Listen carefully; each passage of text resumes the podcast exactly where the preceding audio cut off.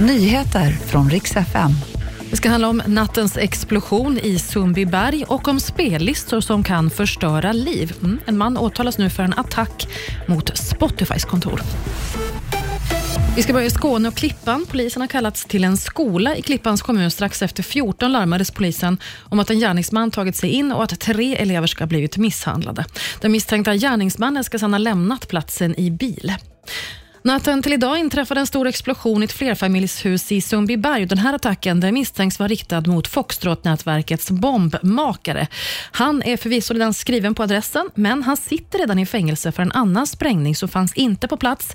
Explosionen var så stor att den ska ha hörts över stora delar av Stockholm.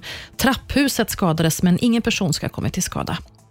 En man åtalas för att han gick in på Spotifys kontor i Stockholm och kastade bajs omkring sig som ska både ha träffat möbler och personal. Det här ska vara en protest mot algoritmerna. Mannen säger att Spotifys spellistor har förstört hans liv.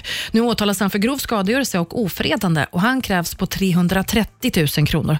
Mm, musik kan röra upp känslor i lite olika form. Jag heter Maria Granström och det var nyheterna.